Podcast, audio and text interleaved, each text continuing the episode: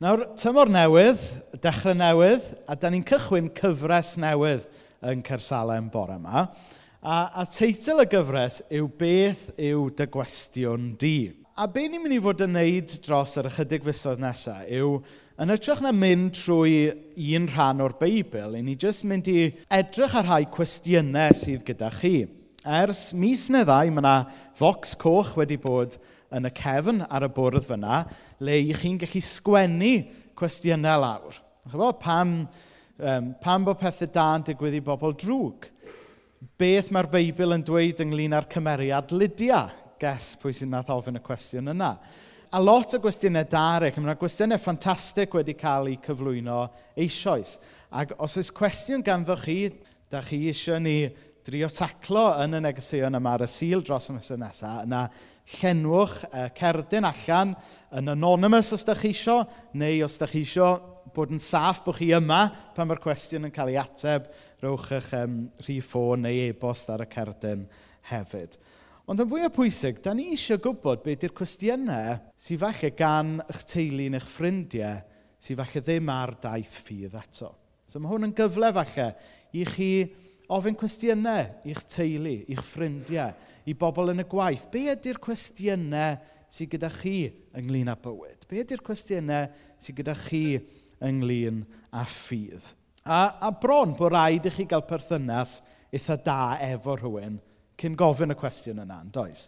So chi, o'n i di meddwl cael rhyw splurge ar Facebook yn gofyn beth yw dy gwestiwn di, ond fel nath aelodau llawer mwy doeth na fi ar y tîm arwain dweud, bydde hwnna jyst yn arwen i rhyw gwestiynau rili really anodd ac anonymous a bydde ni'n mynd mewn i ddyfroedd dyfnion. So, yr approach da ni'n mynd i gymryd yw, ni ddim mynd i wneud rhyw splurge ar Facebook yn gofyn beth yw cwestiynau pobl, ond da ni jyst eisiau bob un ohonoch chi gofyn cwestiynau gan pobl mae gennych chi perthynas efo yn barod. Chos dyna lle newn ni gael y cwestiynau mae pobl yn reslo gyda go iawn. Nawr, mae lot o gwestiynau wedi dod mewn yn barod. Mae lot ohonyn nhw'n gwestiynau sy'n sort of yn debyg, so den fyddwn ni'n bynsio rhai nhw gyda'i gilydd. Mae lot o nhw yn gwestiynau um, eitha anodd, eitha sensitif, so byddwn ni'n trin rheina mewn ffordd bugeiliol yn fwy na, fwy na gyda gordd fel petai, os chi'n deall beth sydd gyda fi. Ond bore yma, dwi jyst mynd i agor y thema allan mewn gwirionedd. Nawr fel Cresnogion, da ni yn credu mae'r Beibl ydy'n awdurdod ni. Da ni ddim yn credu fod yr ateb di a gwyn i bob dim yn y Beibl, ond fel wedodd um, Arwel unwaith wrth bod ni'n paratoi y gyfres yma, da ni ddim yn credu fod yr ateb di a gwyn i bopeth yn y Beibl, ond da ni'n credu fod dechrau pob ateb yn y Beibl. Hynny yw, dyma ydy yn starting point ni fel petai. Ond mae'n bwysig bod ni yn deall yn iawn felly beth yn union ydy'r Beibl. Mae'n oes ni yn oes wahanol iawn i'r Beibl, ac felly mae rhaid i ni ddeall y Beibl yn ei gyd-destun cywir, i adael i'r Beibl siarad efo ni heddiw. Nath ffrind i fi, Andrew Ollerton, ddeud unwaith, bod y Beibl, nath e ddim cael ei sgwennu ato ni, ond mae e wedi cael ei sgwennu i ni. Chi'n deall? A mae yna wahaniaeth bach fyna. Mae rhaid ni ddeall pwy gath ei sgwennu yn wreiddiol er mwyn deall beth mae'n dweud wrthyn ni heddiw. A, a jyst cwpl o bethau cyn dechrau. Mae'n bwysig i ni gofio, mae nid instruction manual na rhyw fath o eiriadur neu gwyddoniadur ydy'r Beibl. So er enghraifft, Na i gymryd cwestiwn Lydia fel enghraifft. So, os ydw i eisiau gwybod beth mae'r Beibl yn dweud am Lydia, dwi ddim yn mynd i el a wedyn gweld beth mae'n dweud ynglyn â Lydia. Nid, nid fel na mae'r Beibl yn gweithio. Be ydy'r Beibl? Ydy stori fawr am berthynas Dyw gyda'i bobl. A mae Dyw yn cyflwyno gwirionedd i ni ar ffurf sgwrs rhwng Dyw a phobl dros ganrifoedd. Mae e'n llyfr sy'n cyflwyno gwirionedd i ni, ond mae'n cyflwyno'r gwirionedd yna i ni mewn lot o wahanol genres. Dyma pan fi'n dweud mae llyfrgell nid llyfr yw'r Beibl. A mae hwnna yn catchphrase dwi eisiau chi gofio dros misoedd nesaf. Llyfrgell nid llyfr yw'r Beibl. Mae yna rai llyfrau hanes yn y Beibl, mae yna rai llyfrau barddonol yn y Beibl, mae yna rai llyfrau proffwydoliaethol yn y Beibl, mae yna rai llythyrau yn y Beibl. A maen nhw i gyd yn cyflwyno gwirionedd i ni, trwth, ond maen nhw'n wneud hynny mewn ffordd chydig bach yn wahanol. Dwedwch nawr, falle cyn adolyg eithwch chi i Palas Print – i brynu llyfr yn anreg i rywun. A pan chi'n mynd mewn i Palace Print, mae gyda chi sections yn does. Mae gyda chi fiction, non-fiction, llyfrau hanes, llyfrau chrysnogol, sy'n mewn fel rhyw section bach hunain, llyfrau plant. A chybod, a chi goffod darllen pob un o'r llyfrau yna mewn ffordd gwahanol i wneud synwyr ohonyn nhw. Chi'n deall beth fi gyda? Hynny, chi ddim mynd i bigo fel um, nofel fyny, a darllen hwnna yn yr un ffordd a chi'n darllen llyfr hanes. Ac i chi'n sicr gobeithio ddim mynd i ddarllen llyfr Sally Mali fel chi'n darllen chyfodd i Oxford Book of rhywbeth. Tybod. Yn yw, mae yna ma werth i bob llyfr. Ond er mwyn deall beth mae'r llyfr yna yn cario ac yn ei gyflwyno, mae rhaid darllen e mewn ffordd sy'n sensitif. So mae'n bwysig bod ni'n cofio hwnna wrth ddarllen y Beibl. Mae'r holl Feibl ac awdurdod, Mae'r holl Feibl yn cyflwyno gwirionedd, ond mewn ffordd wahanol. A'r pwynt ola o'n i eisiau, eisiau dweud cym ymlaen, oedd dyw'r Beibl ddim yn rhoi ateb hollol di a gwyn ar bopeth. Ac felly, dwi eisiau ni gofio yr egwyddor yma e, dros y misoedd nesaf. Ehm, dyfyniad ydy o, mae'n debyg, gan Austin Sant. In Essentials, Unity – In non-essentials, charity. In all things, love. Nawr mae'r Beibl yn glir ar bethau sydd angen i ni fod yn glir amdano fe. Ond mae yna bethau eraill lle allwch ni fod yn barchus fod gyda ni farn gwahanol ynglyn â nhw. So dwi eisiau ni just cofio hwnna. A finally, cyn bod ni'n mynd mewn i beth sydd gyda ni bore yma, mae'n bwysig bod ni'n cofio fod dirgelwch mystery yn rhan o ffydd. Does yna ddim atebion twt i gael i bob cwestiwn dan yr hael. Mae dirgelwch mystery yn rhan o wir ffydd. Ac os oes yna unrhyw un yma bore yma sy'n aros i rhyw gwestiwn gael ei ateb yn hollol dwt cyn y gwnewch chi ddechrau taith ffydd, yna aros byddwch chi. Achos rhan o daith ffydd ydy mentro ymlaen – cyn yn bod ni yn ffeindio'r ateb i bob cwestiwn sydd gyda ni. Rhan o daith ffydd ydy mentro gan drystio Dyw, hyd yn oed pan da ni ddim cweit yn gallu esbonio yr atebion i gyd. Mae yna emyn gan Ann Griffiths, dwi'n meddwl, sy'n deud, um, o am gael ffydd i edrych gyda'r angylion fri. Beth yw'r gweddill? Er, reit, fi'n mynd i roi meicroffon i Dennis i, i ddarllen y pennill o amcarffydd i edrych gyda'r angylion fri. Na, hefyd, e, dim angylion sy'n mynd i'n edrych nawr, ond ni te. I drefn yr iachaw dwriaeth sydd yng Nghyrs, di'r gelwch yn ddi sydd. Diolch fawr iawn, Dennis. So, so mae yna ma ddirgelwch yn, yn rhan o, o daith ffydd ac adnabod Iesu. So, so er bod ni'n mynd i fod yn reslo efo cwestiynau tymor yma, Dwi ddim eisiau fatha chi fod yn rhy hung up ar rhyw gwestiwn nes bod chi'n cochi allan ar gychwyn taith bywyd efo Iesu.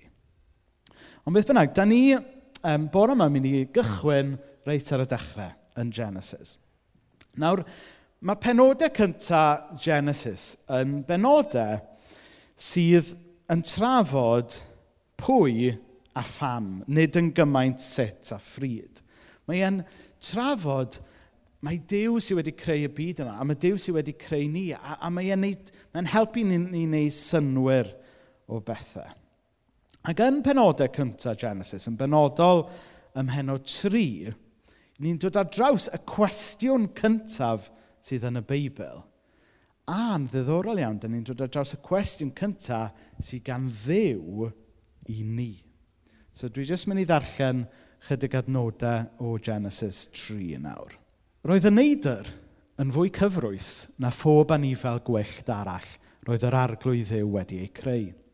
A dyma'r neidr yn dweud wrth y wraig, ydy Dyw wir wedi dweud peidiwch bwyta ffrwyth unrhyw goeden yn yr ardd? Na, meddai'r wraig. Dyn ni'n cael bwyta ffrwyth unrhyw goeden yn yr ardd. Dim ond am ffrwyth y goeden yng nghanol yr ardd, dwedodd Dyw, peidiwch bwyta ei ffrwyth hi a pheidiwch ei chyffwrdd hi rhag i chi farw. Ond dyma'r neidr yn dweud wrth y wraig, na, fyddwch chi ddim yn marw. Mae Dyw yn gwybod y byddwch chi'n gweld popeth yn glir pan wnewch chi fwyta ohoni. Byddwch chi'n gwybod am bopeth, da a drwg, fel Dyw ei hun. Gwelodd y wraig fod ffrwyth y goeden yn edrych yn dda i'w fwyta – Roedd cael ei gwneud yn ddoeth yn apelio ati. Felly dyma hi'n cymryd peth o'i ffrwyth ac yn ei fwyta. Yna rhoddodd beth yw gŵr oedd gyda hi, a dyma fy'n bwyta hefyd. Yn sydyn roedden nhw'n gweld popeth yn glir ac yn sylweddoli eu bod nhw'n noeth. Felly dyma nhw'n rhwymo dail coed ffigus at ei gilydd a gwneud sgertiau iddyn nhw i hunain. Yna, dyma nhw'n clywed sŵn yr arglwydd ddew yn mynd drwy'r ardd pan oedd gwynt yn dechrau codi. A dyma'r dyn a'r wraig yn mynd i guddio olwg yr arglwydd ddew i ganol y coed yn yr ardd. Ond galwodd yr arglwydd ddew ar y dyn a gofyn iddo, ble wyt ti?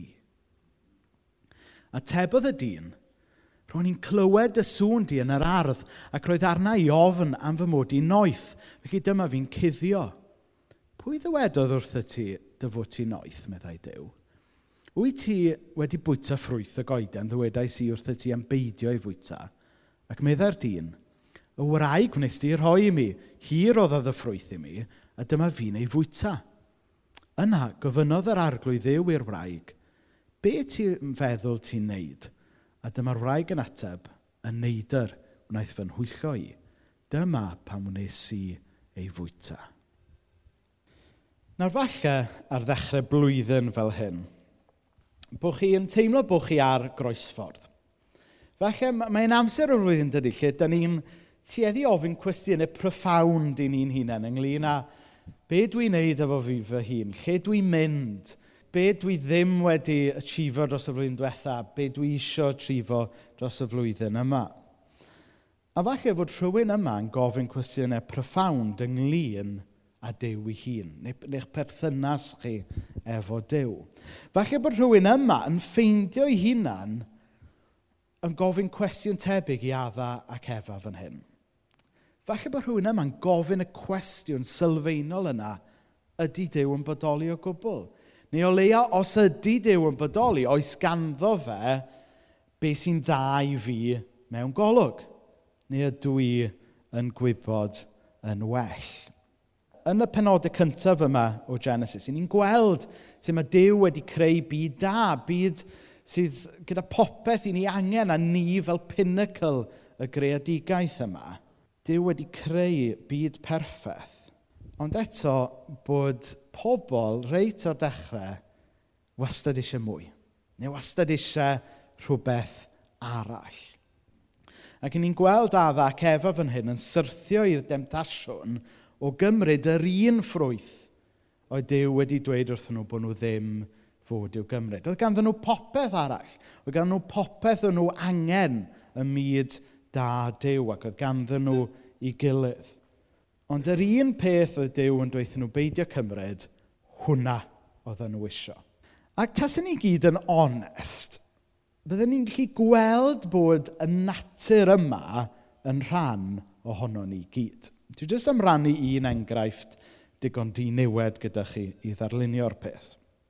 Nawr, dwi wedi seinio fyny i diet tri mis. Mae gennau app ar yr iPhone, a mae'n tracio fi, a mae gennau, tyfo, a mae gennau fatha scale sy'n synchronisio i'r ffôn drwy Bluetooth a tybod. Oedd mena'n gwybod beth oedd hi'n neud. Trio gwerthu'r peth fel gadget i fi, a wedyn bydda fi'n syrthio mewn y trap. Ond anyway, pan oedden ni'n teithio adre o'r de nos iau, wnaethon ni stopio'n Lidl Porthmadog. Chi wedi bod i Lidl Porthmadog? O, oh, na Lidl da, seriously. That's a good Lidl. Ond be bynnag, ni stopio'n Lidl Porthmadog, agor yr app, gweld, tybod, fill your trolley with these, don't take any of these. So, ni'n llenwi'r troli gyda'r gyda, holl fwyd yma. Oedd yr app yn deithio bod fi'n cael bit o fain bynnag o'n i isio. Tybod, llwyth o, llwyth o chicken breast, llwyth o um, llwyth o veg, llwyth o whole grains, llenwi'r troli, nôl adre, fridge yn llawn, cypyrddau'n llawn. A, ac, a dan y deiet yma, mae yna certain bwyd, gael fita fain bynnag ohonyn nhw, dwi isio. Ista lawr yn noson yna, ar ôl i'r boes fynd i'r gwely, hollol shattered, cornel fy llygad, Terry's Chocolate Orange. Ond O'n i'n cael bita rhywbeth o'n i eisiau yn y ffridge ac yn cypyrthau gegin, ond hwnna o'n i eisiau. A to, mae hwnna'n enghraifft digon diniwed, dwi'n gwybod. A dwi e ddim cwyt yn, yn graspo sort of severity byn a ddigwydd yn garddeden. Ond mae e'n, mae e'n rhyw illustration bach gwan yn dydy. O'r duedd yma sydd ynddo ni, o wastad fod eisiau rhywbeth da ni'n gwybod sydd yn wael i ni. Mae, mae yn rhyw snapshot o just y tendency yma sydd wedi hadwairio mewn i ni o fod eisiau rhywbeth sydd yn eitha destructive er bod ni'n gallu cael yr holl bethau da yma mae Dyw yn rhoi i ni. A'r gair mae Dyw yn, mae'r Beibl yn defnyddio i ddisgrifio'r duedd yma sydd wedi hadwairio mewn i ni ydy pechod. Sef bod Dyw wedi creu y byd yn dda, bod Dyw wedi creu ni yn dda, a bod Dyw wedi creu bywyd da i ni, ond mae yna rhyw rhywbeth wedi hadwair o mewn i ni yn deitha ni, na, da ni eisiau peth arall yna. A'r gair mae'r Beibl yn disgrifio, defnyddio disgrifio hyn, ydy pechod. A does neb yn licio cael ei alw yn bechadur, nag oes? Mae, mae e'n air brwnt, yn dydy? Mae'n mae air fatha efo sting iddo fe. Ond tas ni gyd yn onest, da ni gyd yn gwybod fod y tuedd yna ynddo ni tuag at yr hyn sydd yn ddrwg i ni. Ond y newyddion da cyntaf bore yma yw mai nid fel yma mae Dyw wedi'n creu ni. Mae Dyw wedi'n creu ni yn wreiddiol ar ei lun a'i ddelw fe. Mae Dyw wedi'n creu ni i fod yn dda mewn byd da i fwynhau perthynas gyda fe. Ond yn naturiol, da ni'n bobl sy'n torri pethau. Da ni'n bobl sydd yn torri perthynas gyda pobl eraill. Da ni'n bobl sydd yn torri perthynas gyda Dyw i hun. Nawr, un o ganlyniadau y torri perthynas yma yw fod, yw fod yna gywilydd yn dod mewn. I ni'n darllen yn um, adnod saith fel hyn. Yn sydyn roedden nhw'n gweld popeth yn glir ac yn sylweddoli e bod nhw'n noeth. Felly dyma nhw'n rhwymo dail coed ffigus at ei gilydd a gwneud sgertiau iddyn nhw eu hunain. Maen nhw'n cochi i dyneweidrwydd a maen nhw'n teimlo cywilydd. A mae hwn yn brofiad da ni gyd wedi profi'n dydy. Da ni gyd yn gallu meddwl am yr adegau hynna, moment yna, rhyw gyfnod yn y bywyd, lle da ni wedi cochi dyneweidrwydd a teimlo cywilydd. Gath perthynas adda ac efa Dyw i dorri. A falle'n bod ni bore yma'n gallu meddwl am rhyw berthnasau sydd wedi torri gyda ni, felly bod ni'n gallu edrych ar ein perthynas gyda Dyw wedi torri a ddim fel y dylai fe fod. Ond, hyd yn oed fan hyn yng Ngharddeden, mae'r Beibl yn helpu ni droi at y newyddion da. Er bod Genesis fan hyn yn helpu ni wneud synwyr o pam fod y byd yma wedi torri, pam fod yn bywydau ni yn aml wedi torri, mae Genesis hefyd yn helpu ni weld fod Dyw yn y busnes o drwsio bywydau a trwsio y byd. Achos edrychwch So adnod 8 i ddechrau. Yna dyma nhw'n clywed sŵn yr arglwydd ddiw yn mynd drwy'r ardd pan oedd gwynt yn dechrau codi. A dyma'r dyn ewraig yn mynd i guddio o olwg yr arglwydd ddiw i ganol y coed yn yr ardd. So i ddechrau, falle bod ni yn teimlo bod ni'n goffo cuddio ddi wrth ddiw. Falle bod ni ddim yn teimlo bod ni ddigon da i ddew gweld ni. Falle bod ni'n cuddio oddi wrth yn gilydd. Da ni'n bobl da am guddio pethau, cuddio teimladau, cuddio meddyliau oddi wrth yn gilydd. Ond sylwch wedyn adnod naw. Ond galwodd yr arglwydd ddew ar y dyn a gofynodd iddo, ble wyt ti? Dyma cwestiwn cyntaf dew i hun yn y Beibl. Ble wyt ti? Na mae hwnna'n hyfryd yn dydy. Mae cwestiwn cyntaf dew yn y Beibl yw bod yn galw allan amdano ni ble wyt ti? Na, mae hwnna'n hyfryd, dydy. Er bod ni wedi wneud sort of, torri pethau, bod ni wedi torri byd perffaith Dyw, bod ni wedi torri'n perthynas efo Dyw i hun, er bod ni'n teimlo cywilydd, mae Dyw ddim yn rhoi give up. Reit o'r dechrau un, mae Dyw yn dod i chwilio amdana ni. Ble wyt ti? Mae gen i jyst meddwl am eiliad pa mor hyfryd yw hwnna fod Dyw ei hun yn galw arno ni, yn galw arno ti bore yma. Ble wyt ti? Mae Dyw yn galw amdana ti bore yma. Er gweitha yn screw-ups ni, er gweitha y cywilydd i ni'n teimlo, oedd Dyw dal eisiau perthynas efo ni.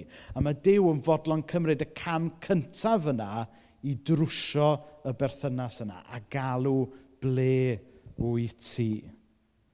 Reit ar ddechrau'r Beibl fel hyn, i ni'n cael glimps o be ydy calon dew y Tad. A dwi'n gwybod bod, um, bod ni'n mynd i bwyso mewn mwy heno ynglyn â beth ydy ail gysylltu gyda dew y Tad. Wel, da ni'n gweld calon dew y Tad reit fan hyn, yng Ngarddeden. Ble wyt ti? Mae e'n dad da sydd yn chwilio amdan i blant hyd yn oed pan da ni ac wylydd ac yn rhedeg i ffwrdd. Mae Dyw yn y busnes o iachau. Mae Dyw yn y busnes o iachau perthynas rhwng pobl, mae yn y busnes o iachau perthynas rhwng pobl a fe ei hun. Mae Dyw yn y busnes o faddau beiau ac o ddelio a cuddio cywilydd. Felly ar ddechrau blwyddyn fel hyn, a ddechrau cyfres le byddwn ni'n edrych ar ein cwestiynau ni, sylwch beth yw cwestiwn Dyw ble wyt ti? Dyna yw cwestiwn Dyw. Mae e'n chwilio amdana ti bore yma. Mae e'n chwilio am bobl i gael perthynas efo nhw ar ddechrau'r flwyddyn fel hyn. Gai ym eich gwahodd chi gyd i godi ar eich traed. Nawr dwi am yn arwen i mewn gweddi uh, bore yma, mewn ymateb i'r cwestiwn yma, ble wyt ti? Ac os ydy um, yr alwad yma ble wyt ti yn yn alwad, mae rhywun bore yma eisiau ymateb iddo fe, yna mae croeso i chi um, ddod i'r ochr ar y diwedd a, a fedra un neu rhywun arall weddio gyda chi a, a siarad trwy y peth. Wel, y ddiw dad, da ni yn, i gyd yn dod ato ti ar ddechrau blwyddyn fel hyn. Os oes unrhyw un yma bore yma yn teimlo bod nhw wedi torri o ddiw dad fel adda ac efa. Da ni jyst yn codi nhw i ti. Os oes rhywun yma bore yma yn teimlo cywilydd o ddiw dad fel adda cefau. Ni jyst yn gwahodd y bobl hynny yn dawel nawr jyst i agor dwylod o flaen di. O ddiw dad, i ni'n diolch bod ti ddim yn ddiw sydd yn gadael ni wedi torri ac wyt ti ddim yn gadael ni yn yn cywilydd. Ond da ni'n diolch bod ti yn ddiw da, yn dad yn y nefoedd sy'n dod i chwilio amdano ni. Da ni'n diolch fod ti yn galw allan bore yma, ble wyt ti? Os oes rhywun yma bore yma yn teimlo bod hwnna'n alwad iddyn nhw, fod Dyw y tad yn y nefoedd, y tad sydd yn iachau, y tad sydd yn trwsio, y tad sydd yn maddau, yn galw ble wyt ti ar rhywun bore yma bod, a bod chi eisiau ymateb, o gael eich gwahodd chi agor eich dwylo nawr o ddiw Dad ar ddechrau blwyddyn, i ni'n gofyn i ti helpu pob un ohono ni, lle bynnag i ni yn yn taith efo ti, i dy wahodd di o'r newydd bore yma, i fynd o'n blaen ni yn popeth eleni. Ac o ddiw dad, i ni'n diolch fod y Dyw wnaeth farw ar y groes a nath atgyfodi oedd yr un Dyw nath alw arno ni yng Ngardd Eden. Ac mewn ymateb i dy gwestiwn di, ble wyt ti? Trwy ffydd, i ni'n gofyn i ti helpu ni gyd i ateb, dyma fi.